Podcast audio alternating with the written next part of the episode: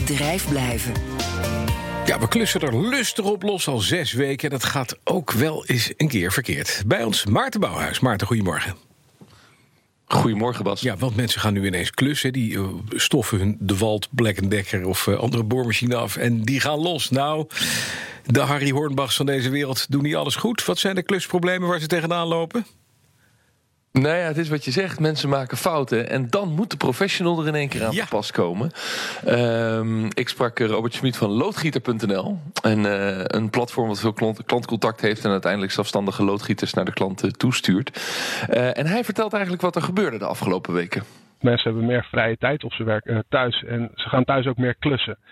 Dus ja, heel stom voorbeeld. Maar wat het merendeel is toegenomen, is doorboorde waterleidingen kapotte kranen. Mensen die dingen zelf willen gaan repareren en daar niet uitkomen. Nou, dat is wel echt toegenomen. Wat je minder ziet is ja, luxe installaties. Dat wil zeggen een douchecabine vervangen, een waterkoker eh, installeren. Dus, nou moet ik wel eerlijk zeggen dat het de laatste twee, drie dagen begint het wel weer aan te trekken. Ja, dit is dus Robert Smit van loodgieter.nl. Nog steeds een bedrijf. Hebben ze veel moeten aanpassen, Maarten? Ja, zeker. Ze zitten in een pure online markt. Hij noemt dat het gevecht uh, om de klant. Dat is heftiger dan daarvoor. Uh, daarvoor hebben ze onder andere ruimere openingstijden met hun bedrijf. Dus je kunt zeg maar, tot later in de avond tot 9 uur bellen. Ze zijn op zondag open. Ja, en die loodgieter zelf, die uiteindelijk naar die klant toe gaat... die moet natuurlijk werken met de richtlijnen van de anderhalve meter zorg voor anderhalve meter afstand. Bent u ziek, wacht dan even met de klus. Is het echt hoognodige klus? Dan regelen we alsnog een loodgieter, maar blijft er dan uit de buurt bij de loodgieter. Richting de loodgieters hebben we ook gezegd, voel je je niet helemaal lekker? Zeg dan heel even af voor de bepaalde periode totdat je je weer beter voelt. En uh, dan na die periode hebben we wel weer werk voor jullie. Ja, maar komen ze dan ook echt over de vloer bij corona-patiënten, die, uh, die mensen van loodgieter.nl? Dat kan ik me niet voorstellen. Nou ja, ze hebben dus gezegd, uh, uh, mocht het uitgesteld kunnen worden, de klus, dan stel het dan ja. uit, ja. wat hij net zei. Maar ja, soms is het nodig. Uh, mm -hmm. Er zijn nou eenmaal klusjes van de loodgieter ja, die nu moeten gebeuren.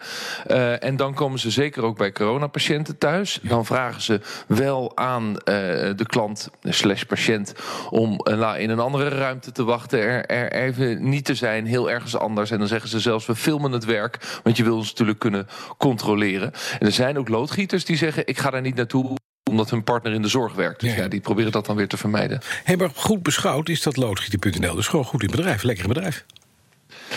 Ja, ze zijn in bedrijf. En wat hij aan het begin zei, het trekt ook wel weer een beetje aan. Dus ik vond nog wel een positieve noot om te laten vallen.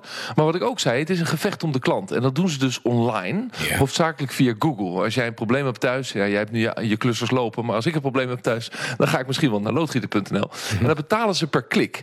En die advertenties die ze plaatsen, die worden eerst goedgekeurd door Google. En daar is iets geks gebeurd, vertelt Robert Schmid. Wij proberen dus meer uit te gaan geven in Google. Uh, omdat we meer willen gaan adverteren.